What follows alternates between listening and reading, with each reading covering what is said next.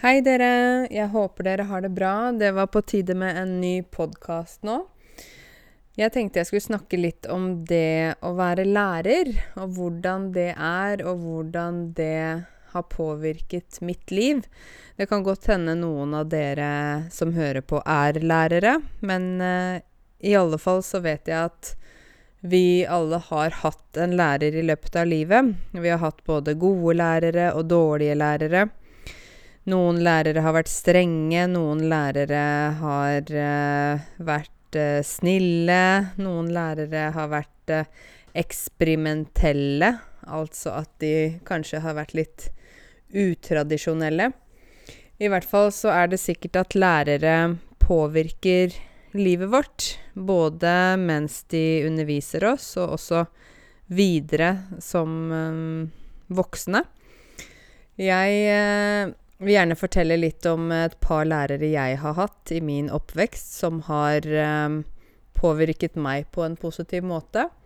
Det er to lærerinner, altså to damer. Det var mine første lærere. Eh, på den tiden så På den tiden, det høres jo ut som jeg er 100 år. jeg er jo ikke det, men, eh, men tiden forandrer seg. Da jeg var barn, så var det sånn at vi ikke sa eh, fornavnet til læreren, egentlig. Vi brukte frøken eh, til eh, disse to damene, altså frøken Toril og frøken Aud. Det var mine to de første lærerne jeg hadde i, fra første klasse. Eh, frøken Aud, hun var eh, litt eh, mild, altså ikke så streng. Hun var veldig hyggelig, veldig snill. Eh, smilte ofte.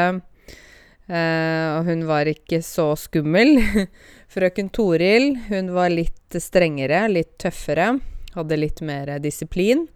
Men eh, til sammen så utfylte de hverandre.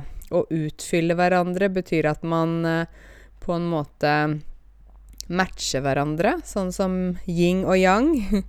Pluss og minus. Altså, vi kan jo si at uh, et ektepar utfyller hverandre, ikke sant? Mann og kone, eksempel. Så disse to lærerinnene, de utfylte hverandre, og de var kjempeflinke både til å undervise, de var også flinke til å lære oss uh, mange ting vi trengte om livet. De lærte oss uh, det å respektere andre, det å ha empati for hverandre, ikke sant? Empati betyr at du bryr deg om andre, at du ikke bare tenker på deg selv. Og de lærte oss eh, både nyttige teoretiske ting, og også mange nyttige ting, f.eks. Eh, om naturen, om musikk, om kunst osv. Så, videre. så selv om vi var små, og selv om vi var barn på den tiden, så er det sånn at jeg aldri vil glemme disse to frøknene. De har eh, gjort eh, mye for meg. Eh, de har også vært en inspirasjon til at jeg har valgt å bli lærer. Det var jo egentlig sånn at jeg, det var to yrker jeg ikke ville gå inn i. Det ene var frisør, for min mamma var frisør, og jeg så at det var en ganske tøff jobb, egentlig. Det er jo ganske slitsomt å stå og klippe og farge håret på folk hele dagen. Uh, og så vil jeg heller ikke bli lærer, for jeg trodde at lærere de sier det samme igjen og igjen og igjen, så de står bare og repeterer ting hele dagen. Nå er det jo sånn at det ikke er tilfellet, altså det er ikke sant, men det var det jeg trodde da, på den tiden. Uh, og så var det sånn at jeg um, begynte å jobbe som vikar. Altså dette var jo etter uh, videregående og etter jeg hadde gått på universitet uh, i Canada. Uh, og så begynte jeg å jobbe som vikar, og så oppdaget jeg at jeg faktisk likte å jobbe som lærer. Jeg likte den undervisningssituasjonen. Jeg likte å lære elever forskjellige ting. Jeg syns det var gøy å se at elevene eh, lærte mer og mer og utviklet seg. Så derfor så bestemte jeg meg for å bli lærer. Eh, og så hadde jeg jo tenkt at Eh, lærer kan jo være mange forskjellige ting. Man kan jo jobbe på skole, man kan jobbe mm, både ungdomsskole, barneskole, videregående, til og med på universitet som professor en dag.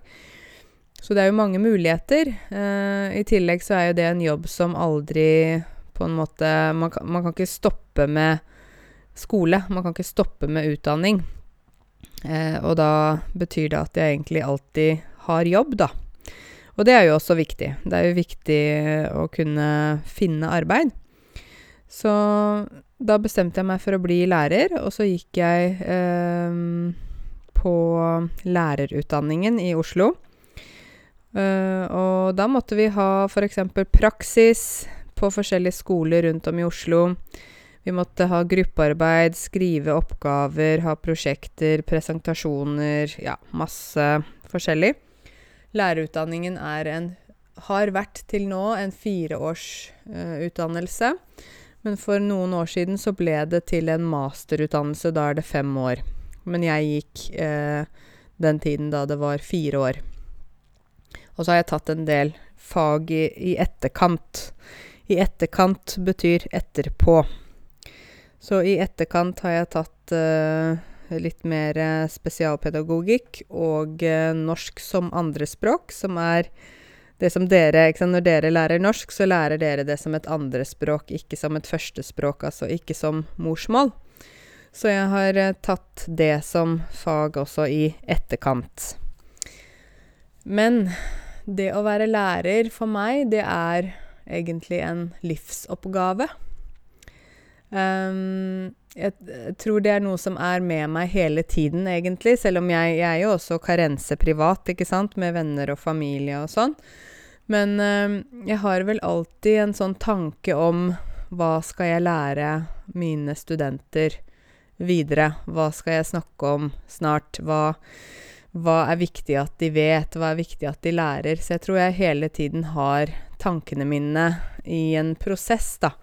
Selv om jeg selvfølgelig tar fri fra, fra undervisning og fri fra det å lære bort, så er det hele tiden noe som ligger i bakhodet. At noe ligger i bakhodet, det betyr at det, man tenker på det, men ikke hele tiden. Men det, det, det er der. Så det med undervisning ligger i bakhodet mitt. Og jeg føler meg beæret.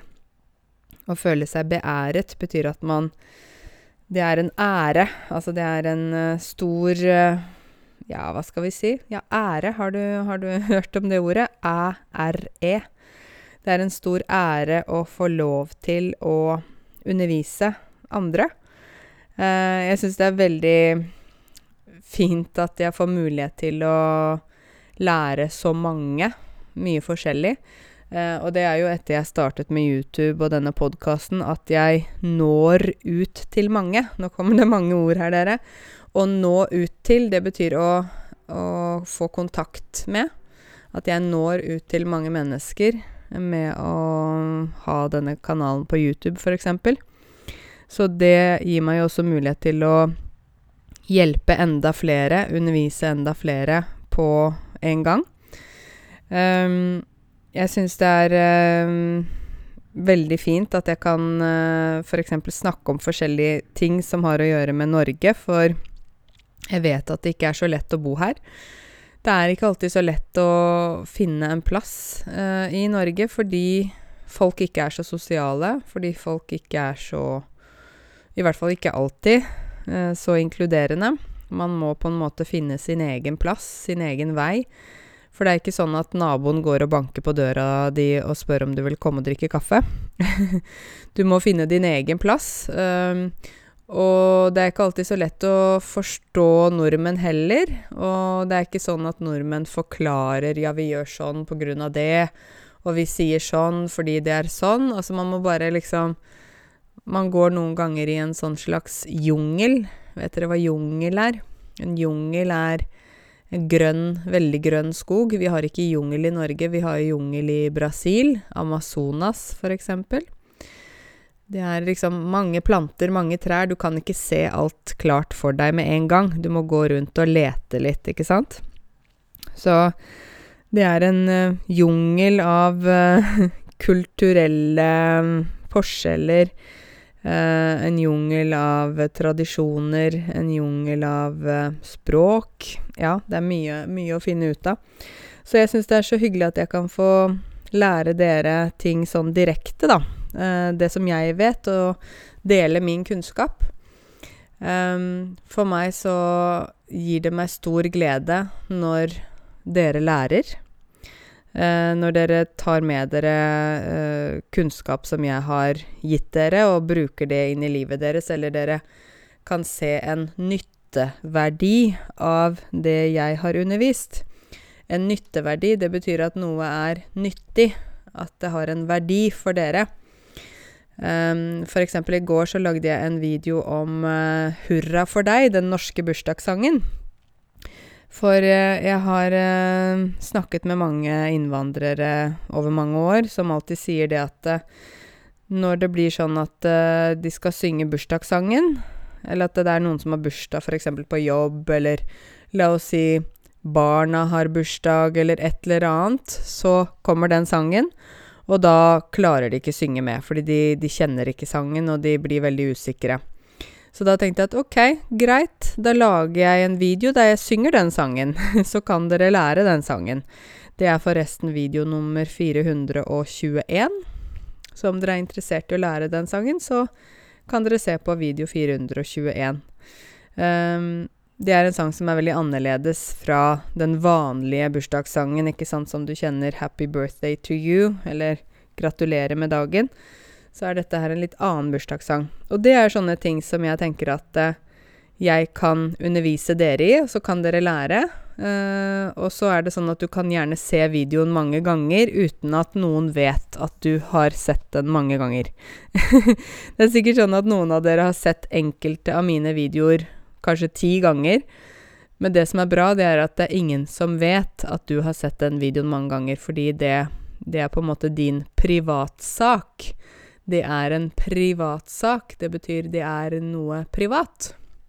Og da spiller det ingen rolle om, om du må se det 100 ganger for å lære, fordi at uh, det er litt sånn uh, Hvor mange ganger du trenger å se noe eller høre noe, det er jo helt opp til deg. Og så er det jo alltid bra å repetere.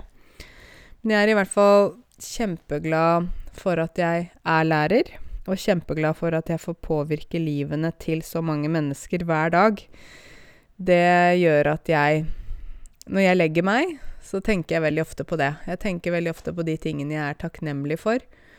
Og det er blant annet dette her med at jeg er lærer, og at jeg får lov til å lære bort, eller å undervise, så mange mennesker hver dag. Det syns jeg er en Det er en stor ære, rett og slett. Jeg så um, Jeg følger jo litt med på forskjellige serier og, og, sånne ting, og nå har jeg sett på Netflix, og da fant jeg en serie som heter Anne with an E. Så det er jo en serie som er på engelsk, da, så det er jo ikke så nyttig for dere som lærer norsk, men det er uansett en fin serie. Jeg leste jo eh, noen bøker da jeg var barn, som het Anne from Green Gables, eller Anne fra Green Gables. Og det er eh, bøker som er skrevet for eh, eh, lenge siden, som også ble laget til eh, film, men nå har det blitt laget til en serie på Netflix. Det er jo sånn nå at folk generelt har litt sånn dilla på serier. Å ha dilla på noe betyr at man ikke klarer å stoppe. Man kan si f.eks.: Jeg har dilla på sjokolade. da vil jeg spise sjokolade hele tiden. Eller jeg har dilla på rockemusikk. Da vil jeg hele tiden høre på rockemusikk. Så mange får dilla på forskjellige serier, og da klarer de ikke stoppe å se, ikke sant? Noen av dere har kanskje sett på Game of Thrones, noen har sett på Vikings, noen har sett på Orange is the New Black Altså det er mange forskjellige serier, da. Uh, jeg er egentlig ikke en person som ser så veldig mye på TV, for jeg Jeg er litt rastløs, så jeg liker ikke sitte stille så veldig lenge. Men uh, det som er bra med disse seriene, er at man kan se når man vil, og så kan man stoppe når man vil, og så kan man fortsette. For det er jo ikke på TV, ikke sant. Det er jo på Netflix eller HBO eller um, noe sånt. Så denne Anne with an E, det handler om Nå skal jeg fortelle dere litt om hva det handler om, da. Det handler om en um, jente som er um, um, foreldreløs. Uh, og hun heter Anne, eller Anne på norsk. Uh, hun bor uh, på et barnehjem. Før så var det jo sånn at man hadde barnehjem i Norge. Vi har noen barnehjem fortsatt i Norge, men det er ikke veldig vanlig. Man bor ofte i fosterfamilier. Um, denne serien er ikke norsk, så dette er filmet i Canada. I Nova Scotia, som er en provins i Canada. Akkurat som vi har fylker i Norge, så har de i Canada provinser. Det er egentlig litt større enn fylker. Uh, dette er på slutten av 1800-tallet. Så det er jo liksom lenge siden, da. Og det er ikke en uh, Det er ikke en uh, ordentlig uh, serie. Altså det, det, er ikke noe som er realitet, virkelighet, men, men de har laget det på en måte sånn tidsriktig. Altså i forhold til klærne de bruker i serien, maten de spiser, aktivitetene de gjør, så er alt veldig sånn Det er i tråd med det uh, tidsrommet de har laget uh, serien, da. At noe er i tråd med noe, betyr at det har sammenheng med noe. Det er i tråd med. Eksempel denne podkasten er i tråd med norskopplæring. Ikke sant? Det har, har, å gjøre med norskopplæring. Så hun Anne, hun øh, får endelig forlate barnehjemmet. Og så skal hun øh, til eh, et uh, søskenpar, altså en bror og en søster, som bor på en, et lite småbruk. Et småbruk er en liten bondegård. Der kanskje du har noen høner, noen hester Altså, det er ikke veldig stort. Uh, og så skal hun jobbe på gården. Det er det som er liksom Det er det det starter med.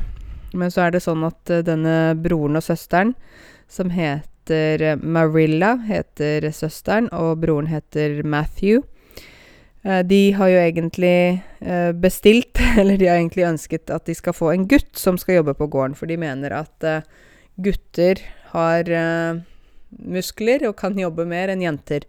Og så kommer da Anne. Hun er ikke veldig pen. Hun har Hun er tynn, fattig, liksom litt sånn hun ser litt sånn syk ut, ikke sant. De har jo selvfølgelig kledd henne i sånne klær, slik at det skal se ut som hun er eh, litt sånn, ja Litt sånn stakkarslig. Å være stakkarslig, da er man litt eh, ikke sterk, ikke tøff. Ja. Um, og hun eh, ber på sine knær. Det betyr at hun ber Altså, hun, hun ønsker av alt i verden å kunne få lov til å bo på denne gården sammen med Matthew og Marilla. Men de sier nei, du må bare reise tilbake, du kan ikke være her, vi trenger en gutt som skal jobbe på gården, vi trenger ikke en jente. Og så lang historie kort, det sier vi noen gang på norsk. Lang historie kort, istedenfor å fortelle hele historien, for det, det er jo dumt hvis du har lyst til å se på denne serien nå, da. Med lang historie kort så får hun lov til å flytte inn på gården til slutt, da. Eh, og så blir jo både Matthew og Marilla veldig glad i denne jenta. Og så er det eh, slik at både Matthew og Marilla de er ugifte, og de har ikke barn. Så det er egentlig bror og søster som deler denne gården sammen. Og det er jo ganske kjedelig, ikke sant? Matthew er kanskje 60, og Marilla er 50. Nei, det er kanskje motsatt. Marilla er vel eldst, og Matthew er lillebroren. Ja. Eh, så når Anne kommer inn i deres liv, så blir plutselig alt snudd opp ned. At ting blir snudd opp ned, betyr at alt endrer seg drastisk. Så alt blir snudd opp ned, og så eh, blir det plutselig sånn at de har et barn i huset, ikke sant, og hun må gå på skole, og av og til så gjør hun ting som ikke er helt riktig, og så kommer hun inn i puberteten, ikke sant. Når man er 13-14 år, så er det masse hormoner, og kroppen forandrer seg, og Ja, det er mange ting, så jeg syns den serien er veldig fin, da. Uh, så jeg vil anbefale dere å se. Jeg skal ikke avsløre mer. Å avsløre betyr at man forteller noe som man egentlig ikke skal fortelle. Altså man skal vente med å fortelle noe. Ikke sant? Hvis det er f.eks. Uh, politisk valg, da, så skal man ikke avsløre hvem vinneren er før alt er klart. Så jeg skal ikke avsløre alt om denne serien. Men den er i hvert fall veldig fin, syns jeg. Um, ja. Jeg er veldig fornøyd nå, fordi at jeg har tatt en skikkelig sjau hjemme her. Å ta en sjau betyr at man uh, rydder og vasker og tar uh, uh, Ja, gjør en sånn Kanskje en sånn storrengjøring. Storrengjøring, da vasker man ikke bare gulvet, men man vasker også vegger og tak. Det var jo i hvert fall veldig vanlig før, men jeg tror en del folk kanskje glemmer det litt nå, at man også av og til bør vaske veggene og taket. Uh, jeg så noen steder at det var spindelvev i noen hjørner. Spindelvev, det er jo det som edderkoppene lager. En edderkopp er jo dette insektet som har åtte bein, som lager spindelvev. Skjønner du nå hva jeg mener? Spindelvev er jo det som man også ofte har sånn på halloween, som skal være litt sånn skummelt, da, ikke sant? Så jeg så at det var spindelvev i noen hjørner her eh, hjemme hos meg. Så tenkte jeg nå, Karense, nå må du vaske. Du kan ikke ha spindelvev i huset. så jeg tok eh, en skikkelig sjau, rydda og vaska, ga bort masse ting på finn.no. Jeg satte det ut på gis bort.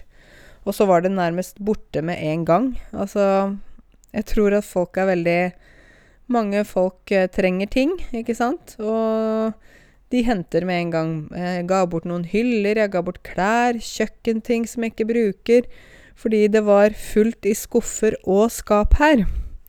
Det, det er ofte et uttrykk vi bruker. For eksempel jeg har, jeg har eh, fullt av klær i både skuffer og skap. Eh, det betyr at det er fullt.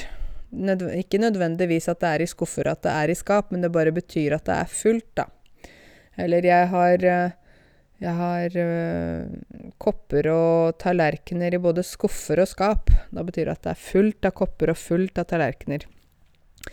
Så når jeg fikk gitt bort alle de tingene, så ble det liksom uh, mye ryddigere her hjemme. Det var veldig deilig. Uh, og jeg tok og vaska badet, tak og vegger, og pussa lampene og masse forskjellig. Jeg kjøpte meg en kjempefin lampe i Tyrkia da jeg var der i sommer, som har sånn det er sånn mosaikklampe med sånne kupler på. Jeg har en fra før.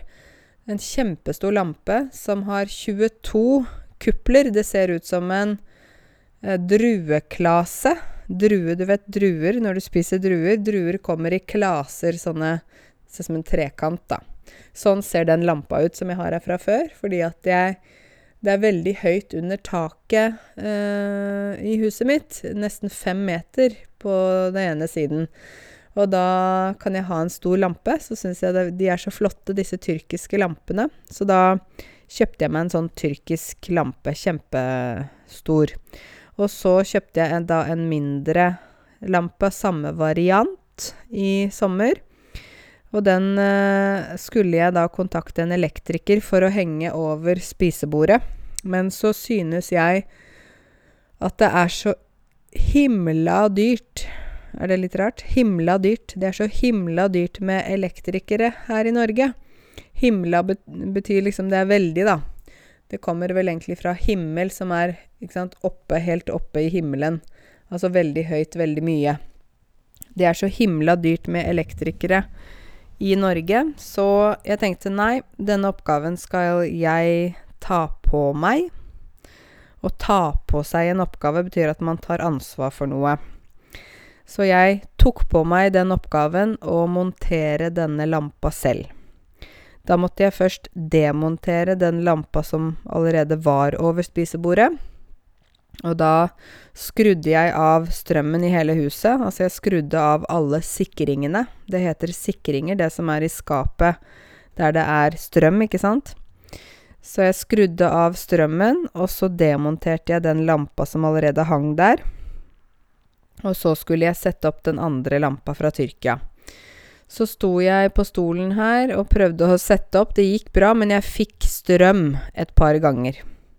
Å få strøm du vet, det betyr at du får elektrisk støt, altså at du kjenner strømmen i kroppen. Har du fått det noen gang? um, så jeg fikk et par elektriske støt, men eh, det gikk bra. Nå henger lampa oppe her, og jeg er veldig fornøyd, egentlig.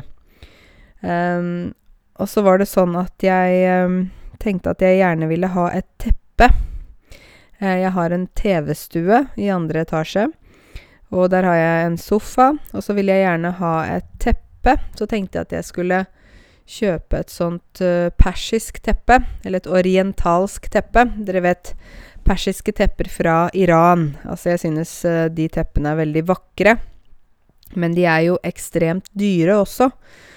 Um, så jeg um, var inne på finn.no og så på tepper, men det var jo bare så dyrt. 10 000 kroner, 15 000, 20 000 kroner for et teppe. Det gir jeg ikke for et teppe. Det, det er sånn vi sier når det er en uh, Ja, vi kan si 'jeg gir ikke 15 000 for et teppe'.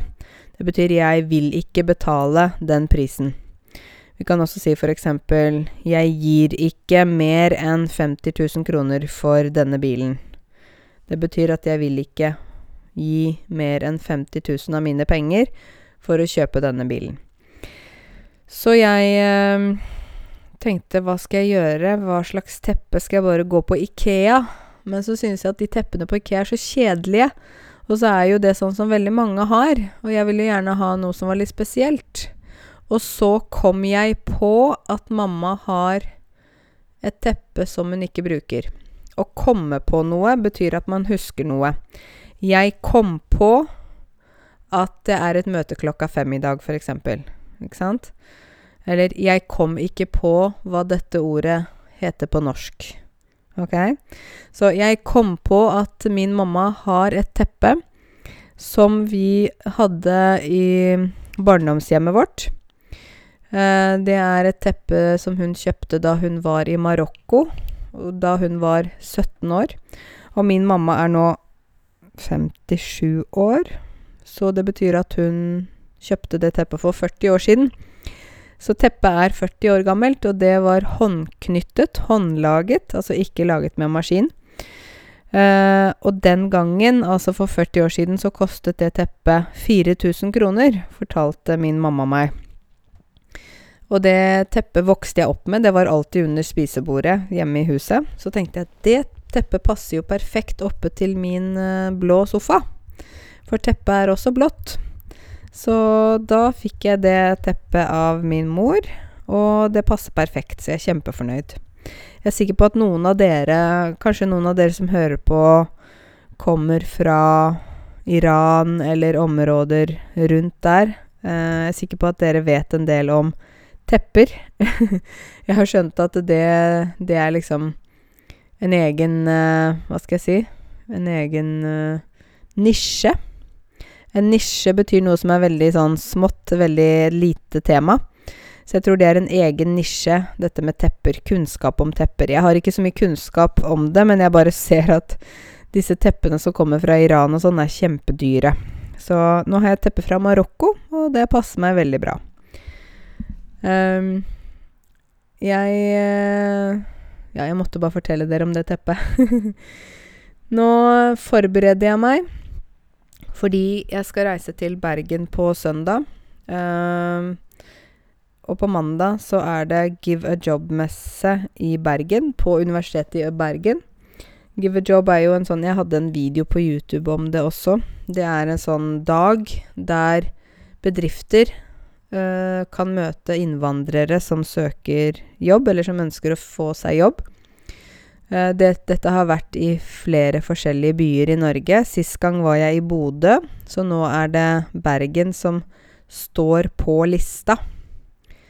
Å stå på lista betyr at uh, noe er aktuelt. Ok? Akkurat som nå er det Bergen som er i vinden, så nå er det Bergen som står på lista. Det betyr nå er det Bergen som kommer. Eh, det blir veldig spennende. Jeg vet at eh, arbeidsministeren vår, Anniken Hauglie, som tilhører Høyre, hun kommer. Hun er en driftig dame. Å være driftig betyr at man er aktiv, man får mye gjort. Jeg tror faktisk også selv at jeg er en driftig dame. jeg får i hvert fall ofte høre at jeg er en driftig dame. Så Anniken Hauglie kommer, og det er jo viktig å få henne på banen. Nå kommer det mange uttrykk her, dere.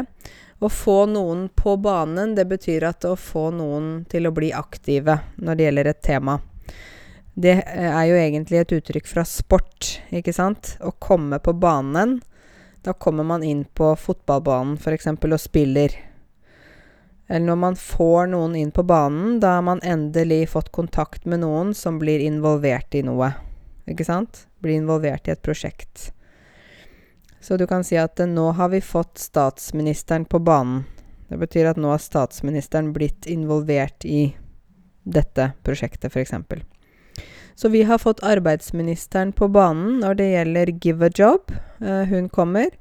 Så kommer en dame som heter Kari Birkeland, som tidligere har jobbet for eh, TV 2 som uh, sånn programleder. Så hun skal lede hele dette programmet. Så kommer Arne Hjeltnes, som også er en kjendis. Han har også vært mye på TV.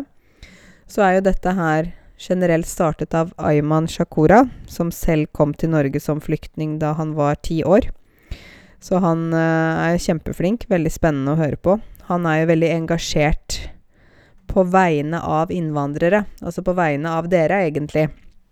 Uh, han er opptatt av at uh, bedrifter skal gi innvandrere en sjanse. Altså selv om man har et navn som ikke er norsk, så skal man få mulighet til f.eks. å komme på jobbintervju eller mulighet til å presentere seg selv. Men dessverre er ikke det så lett her i Norge. Det er eh, fortsatt sånn at mange har mange fordommer. Eh, å ha fordommer betyr at man allerede Man tror at man vet noe om noen før man egentlig vet. Ikke sant? Man, eh, man tenker 'Å ja, nordmenn de er sånn', eller 'Å ja, arabere de er sånn', uten at man egentlig vet og så bare har man en mening om noe. Så han uh, mener at uh, arbeidsgivere eller firmaer må bli flinkere til å åpne opp for å ansette på tvers av kulturer, altså i forskjellige kulturer. Man kan ikke bare ansette nordmenn, for da vil jo også arbeidsplassen bli ganske kjedelig. Da har man ikke noen uh, forskjellige ideer og tanker, ikke sant? Hvis man ikke har et uh, ansatt uh, team eller et uh, ja, en gruppe ansatte som er forskjellige. Hvis alle er ganske like, så får man heller ikke noe veldig stor utvikling. Um, så Ayman Shakura, han prøver å jobbe for å få bedrifter til å åpne øynene opp for dere. Å åpne øynene Altså, vi har jo selvfølgelig øynene åpne, men å åpne øynene opp for noe, da betyr at vi ser noe Liksom, vi våkner opp, da. Vi ser det, eh, det som vi ikke har sett før. Så hvis norske bedrifter kan åpne øynene opp for å ansette innvandrere som har forskjellig bakgrunn, så vil vi også få mer dynamikk i arbeidslivet i Norge. Tenker jeg. Um, jeg synes jo det er synd at en del um, En del som søker jobber, på en måte bare blir avvist fordi de har navn som ikke er norske. Det skjer jo hele tiden. Det skjer diskriminering der eh, noen som har et utenlandsk navn, ikke engang får komme på intervju, bare fordi at de ikke heter f.eks. Bjørn eller Hans eller eh, Kåre. eller ma, hva er disse norske navnene, da? Kristin og Tora og um, Ronja.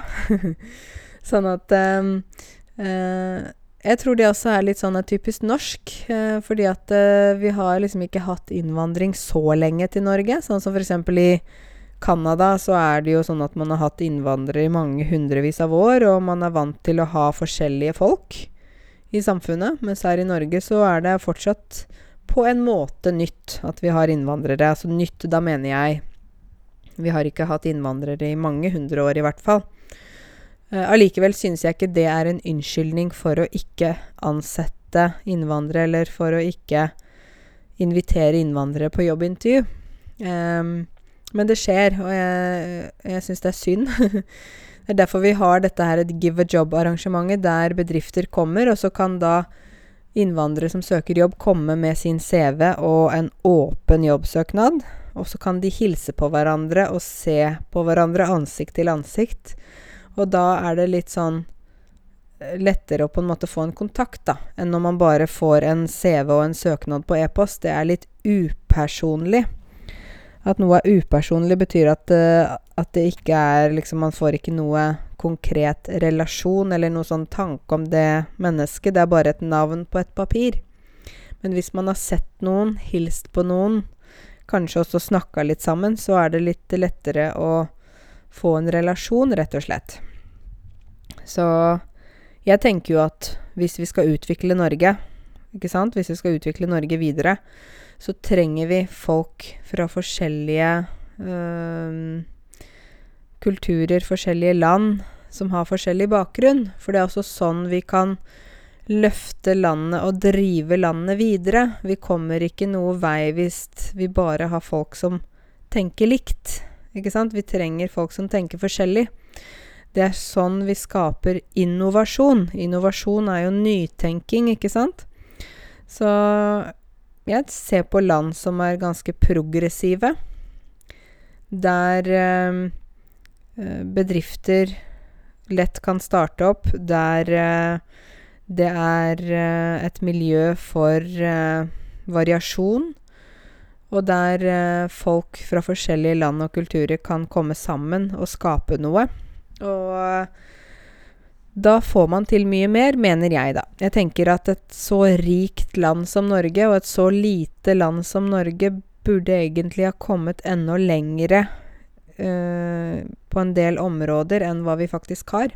Når det gjelder infrastruktur, når det gjelder eh, nytenking, når det gjelder både bygg og økonomi og mange ting. Selv om vi har mye penger, så kunne vi kommet enda lengre hvis vi hadde hatt litt mer kultur for eh, å ansette folk fra forskjellige land å ha kultur for noe. Det betyr ikke Da snakker jeg ikke om kultur, men det betyr at det er en tendens eller en trend for noe, f.eks. Um, ehm, vi kan si at på en skole at her er det kultur for læring. Det betyr at det er en trend, eller det er en tendens, eller det er populært med læring. Uh, for eksempel man kan si en familie I denne familien er det kultur for empati. Det betyr at det er mye empati i den familien.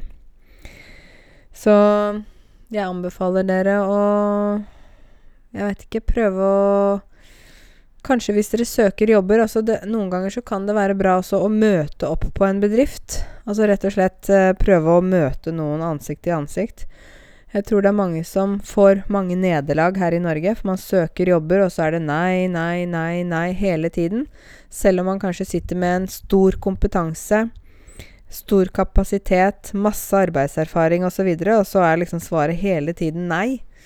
Um, dessuten så syns jeg det er litt sånn vanskelig å starte bedrifter for innvandrere her. Det er jeg helt sikker på at mange syns det er både skummelt og vanskelig. Fordi papirmølla er så stor. Papirmølle, hva betyr det? Mølle, da må vi ta, dele opp ordet. En mølle, det er egentlig i historien før, når man ikke hadde fabrikker og sånn, som malte korn til mel.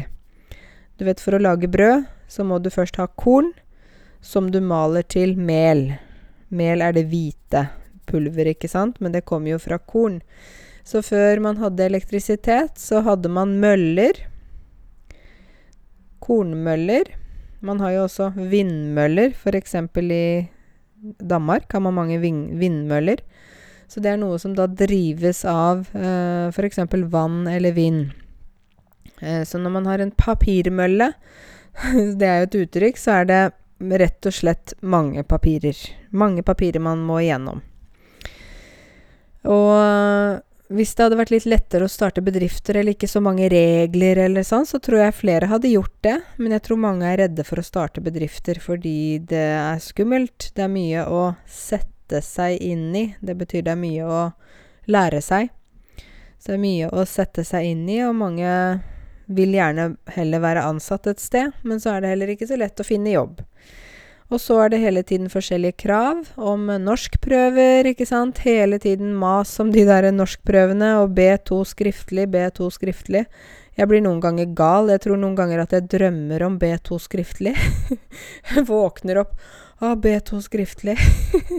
For jeg har hørt det så mange ganger, jeg har hørt så mange uh, av mine studenter være fortvilet over at de ikke klarer å bestå. Og så er det jo NOKUT, som da skal godkjenne utdannelsen til forskjellige folk, men det er heller ikke så lett. Um, jeg har jo eksempel, jeg hadde en um, tannlege som uh, sa at i Sverige så var det ikke noe problem for henne å få godkjent alle papirene og kunne jobbe som tannlege. I Norge så måtte hun ta B2 skriftlig, og så måtte hun i tillegg da ta flere fag på universitetet før hun kunne jobbe som tannlege. Men hun hadde jo mange års erfaring som tannlege. Så da tenker jeg at Norge egentlig kaster bort ressurser også.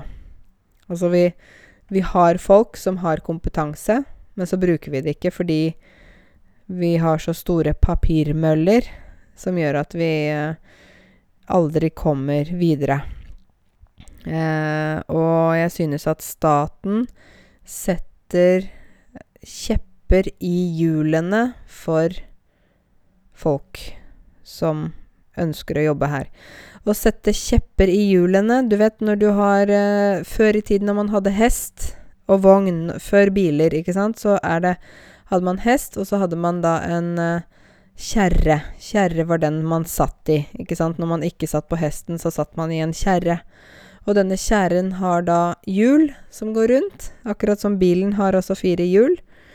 Og så hvis man da setter en kjepp, det er en lang pinne, en lang stokk, altså tre, en del av et tre. Hvis man setter en kjepp inn i hjulet, så går ikke hjulet rundt. Da går ikke videre. Skjønner du? Så hvis du øh, Hvis jeg sier at Norge setter kjepper i hjulene til innvandrere som ønsker å få godkjent utdannelsen sin.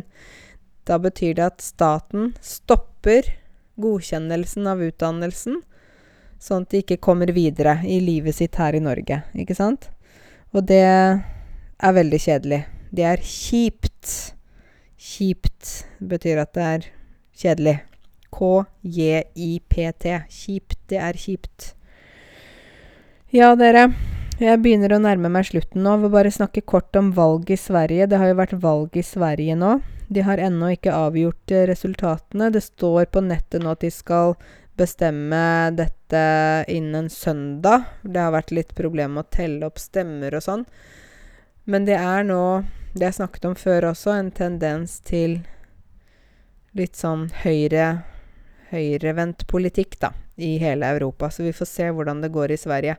Sverige er jo bedre på integrering enn Norge, syns jeg. I Sverige er de flinkere til å integrere innvandrere. Flinkere til å ønske folk velkommen. Eh, og hjelpe folk til å komme på plass i landet. De har jo f.eks. Gratis, eh, gratis svenskkurs til alle. Så det er ingen som må betale for å lære seg svensk selv, ikke de som kommer fra Europa. Eller de som kommer som arbeidsinnvandrere fra f.eks. India eller sånn. De må jo betale for norskkurs. Men i Sverige er det gratis. Så de er eh, bedre på integrering enn Norge, synes jeg. Det er min mening. Helt til slutt vil bare eh, informere dere om Jeg oppfordrer dere jo alltid til å se på programmer. Og oppfordre betyr at jeg prøver å motivere dere til å gjøre sånn eller sånn. Jeg oppfordrer dere til å se på et program som heter Folkeopplysningen på NRK. Folkeopplysningen. Det siste programmet handler om sukker. Det er ganske interessant. Og hva sukker gjør med kroppen osv. Så, videre. så hvis du har litt tid til overs Det betyr hvis du har litt ekstra tid, hvis du har litt tid til overs, så kan du jo sjekke ut det programmet. Folkeopplysningen. Ok, dere. Da avslutter jeg nå. Nå har jo jeg snakket som en foss. Snakker mye. Så jeg ønsker dere alle en riktig fin dag videre, og så snakkes vi snart igjen. Tusen hjertelig takk for at du hørte på podkasten min. Og anbefal gjerne podkasten videre til venner og andre kjente, sånn at flere kan lære. OK, da snakkes vi. Ha det godt.